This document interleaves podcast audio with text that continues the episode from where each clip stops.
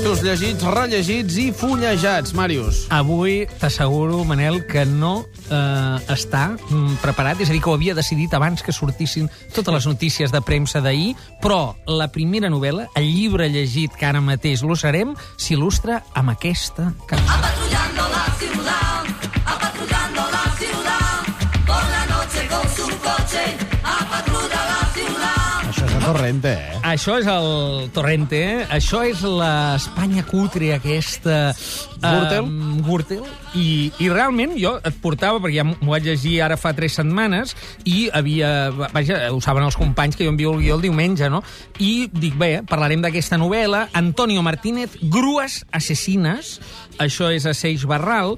És una novel·la boja, absolutament boja, fonamentada en la corrupció, en la corrupció urbanística, diguem... títol és bo, eh? Eh, Grues assassines. assassines. I bé, té un subtítol que diu El caso del gorila i la nena al descubierto. Uh, en fi, uh, primer dir uh, que el senyor Antonio Martínez és guionista i és català, és periodista, que havia fet uh, premsa política a l'Avui fa molts anys. El volem avui al debat de TV3.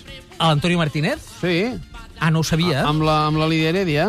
Ah, carai, doncs... És el mateix. És el mateix Estava Antonio Martínez? Sí. No m'ho puc creure. Sí, home, sí, molt- molt amic. Ah, no ho sabia, Sí. no ho sabia. Doncs jo, el que no el conec de res, però en canvi sí que coneixia la seva obra anterior, Soy Julia. Uh -huh. Extraordinària. Sí. Uh, bé, una novel·la també còmica, estil Jardiel Poncela, però amb un cas molt concret, que ell va tenir una filla amb l'isoencefàlia i li va donar uh, la, la veu, no? Clar, aquesta és la segona novel·la, almenys que jo li conegui, i ha agafat i fa com tot un reportatge de premsa, però de, del caso, eh, diguem, i ho situa en un ambient marbellí, diguem, que jo, clar, jo t'ho Fa pensava... temps que l'ha escrita. Clar, exacte. Jo, jo t'ho pensava doncs, eh, situar perquè els, els oients agafessin una mica el to en Don Jesús Gil, saps? El Roca, tota aquesta colla El Roca, que d'energúmens, també no? tenia lleons a casa Aquest. dissecats. No, Ah. crec que també n'hi havia algun, El- viu, de viu, però, però engaviat. Engaviat, sí, sí. I molta bèstia, i, i un miró al, al, al lavabo, crec que tenia un quadre de miró al lavabo. Anirem a buscar la lleona d'aquí poc, eh? La unitat mòbil del matí de Catalunya Home, Ràdio ja és a la zona, eh? Però no a Marbella, eh? No, a Marbella no, la- anava a la dir, nostra, La la nostra, la lleona. nostra, sí. Ui, si en sabem de tenir-ne de nostrats. doncs bé, eh, t'asseguro que la cosa Gürtel eh, no, no, no la tenia gens al cap quan Però plana això. en aquest gros assassins. Totalment. També, eh? Diguem que és una narració molt, molt disbauxada. Eh? Vull dir, aquí hi ha un assassinat encobert eh, per una mena de prohom que, que necessita amagar proves i tot això, i és una bogeria. Mm, jo, eh, aquí el que et posava, que la, el web sempre intenta posar alguna frase, és que això, aquest reportatge vist per la tele, no tindria ni la meitat de gràcia. És a dir, que la gràcia que té és que mm, ell escriu per acumulació de notícies i tu acabes, eh, acabes rient, diguem, no? Eh, vist per la tele jo crec que seria un esperpent. Uh -huh. És tan exagerat, diguem, que era un esperpent. Però, esclar, això és el que pensava fins abans d'ahir, abans que el Bigotes i companyia comencessin a dir les coses que diuen, El no? albondiguilla, lo tengo controlado. És que, clar, és- però el és- cerebro de mosquito. Sí, sí, aquest és el to, eh? Al bufón hay que darle un poco de cuerda. Aquí trobaràs el to, mm, diguem, en tota la novel·la, que és aquest reportatge, d'aquesta cosa bigotil. Esto te lo arreglo yo, eh? Esto te lo arreglo jo. Quins Eh, són els mots claus? Humor, business, business escrit en vi, diguem que vindria a ser, eh? Cor- Corrupció política, tele, Marbella, reportatge, i, per posar sempre un referent, per mi, clarament, clarament, Jardiel Poncela, i aquesta mena, diguem, de humor descordat de la tradició castellana dels anys 30, 40 i 50.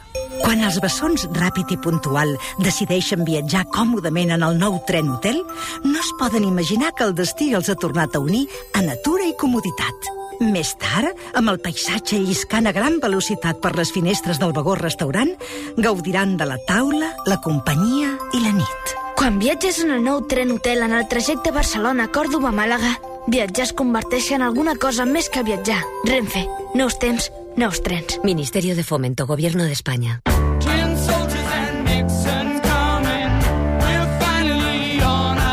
Neil Young ens porta cap al rellegit. Sí, senyor, Ohio. Ohio, Això que sona és Ohio. Uh, bé, ara ens posarem drets, uh, metafòricament. No, no, tampoc- físicament. Físicament ens allunyem una mica del micròfon.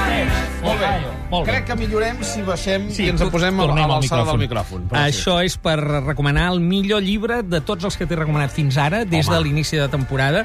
Uh, és Digue-ho a poc a poc, perquè és la típica cosa que dita per tu abans farà una llau de trucades. Que, com ha dit? Quin ha dit? Uh, jo, jo vam posar fàcil amb el títol de Neil Young, eh? perquè el títol títol del llibre és Winesburg, com de vi, eh? Ohio. Que ho poses fàcil, dius. Winesburg, Ohio. Sí, no, no és fàcil, però W-I-N-E-S-B-U-R-G, això vindria a ser el nom d'un poble, i Ohio, diguem, L'estat. en el qual hi era. Això és un llibre del Sherwood, com els boscos del Robin Hood, Trucaran. Sherwood, i Anderson, com aquell davanter del Barça, saps? El Sonny Ui, Anderson. Això. el Pistoles. El Pistoles, això ja fa. Sherwood Anderson. Això eh, ho ha publicat el Cercle de Viena, eh, traducció de l'anglès d'en Francesc Parcerisses, una gran traducció que es nota que llisca molt bé. Això és una de les novel·les fundacionals del que després va ser la Lost Generation. És a dir, tota la generació del Hemingway i companyia va veure d'aquest llibre. Hi ha, hi ha gent que diu que mm, sense l'Anderson no hi hauria hagut aquella evolució, aqu- d'aquella manera d'escriure que després portaria cap a Faulkner també i cap a Dos Passos i això, no? En tot cas, és veritat que Sherwood Anderson no va eh, prosperar, no va ser tan conegut com els que foren els seus deixebles després. Eh, aquesta novel·la és la clàssica demostració que allò que és local és el més universal de tot. Perquè és les petites històries que es donen en un poblet de l'oest americà, que es diu Winesburg, que és A el nom- Ohio. a Ohio, naturalment, anem repetint per si ho anoten, uh, i només hi ha, diguem, un fil conductor, que és un paio que es diu George Wheeler, que és mm, el periodista de la Gaceta local, no?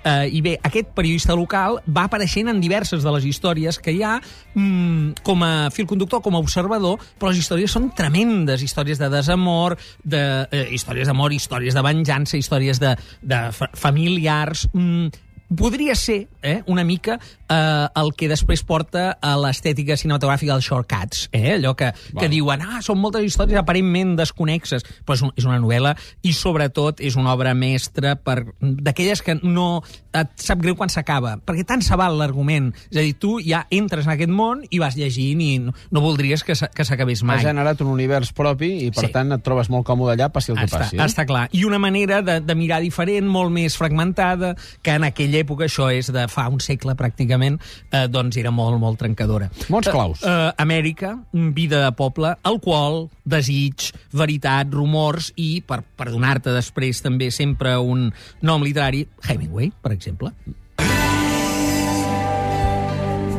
Solo pienso en ti, juntos de la mano, se les ve por el jardín. Víctor Manuel ens il·lustra el fullejat. Sí, senyor. Avui faré una cosa que no tornaré a fer i que no faig mai, és a dir, trencaré una eh, de les normes eh, que acostumo a tenir, que és recomanar un llibre en el hi qual hi surts. participo, diguem, eh? Però crec, Val la que, pena, que, tinc, val la pena. crec que tinc un pretext. Aquest és un llibre que es diu Mira'm, eh, de, editat per Cossetània. Són 10 contes, el subtítol diu Contes de vides especials, i això és un encàrrec que ens van demanar els de la Fundació Mas Albornà, que és una fundació de Vilafranca al Penedès que es dedica als discapacitats. No? Llavors, aquí va demanar 10 autors que escrivíssim sobre alguna història relacionada amb el món de la discapacitat, seguint des dels 0 anys és a dir, des de petit fins a gran, sí. per tant té un fil conductor. Jo el que destacaria són els contes dels vuit companys que acompanyen el meu i el de l'Elisabet Pedrós, acompanya d'aquesta Sí. casa, que en el nostre cas, com ja és públic i, i notori, hem estat pares, eh, eh, hem viscut, diguem, aquesta problemàtica, però jo crec que l'exercici interessant és el d'autors com el del Joan Maria Fonalleres, o el Rafael Vallbona, la Mercè Foradada, Miquel Pairulí, Ada Castells, Margarita Ritzeta i Àngel Burgas, em sembla que no em deixo ningú, que és com entrar en un territori que normalment no es toca, un territori utilitzar les armes de la ficció, de la literatura, per tocar una cosa tan poc glamurosa com eh, xavals, diguem, eh, que, que no eh, prosperen, eh, que no progressen adequadament, no? Eh, els contes són, alguns contes són molt bons, el d'en Foralleres, eh, basat en una experiència d'una companya de feina que era Down i que va provar el carnet de conduir en menys vegades que ell, eh, Que és, és francament interessant i, per tant, és un llibre que, que mereix atenció. Es diu Mira'm, ho ha editat Cossetània i tot el, el que recapti, eh, tots els seus drets van per la Fundació Mas Albornat de Vilafranca del Penedès. Ho has posat en el fullejat, però ho podem posar en en el llegit. Sí, sí. He posat el fullejat per dir el meu no me l'he llegit.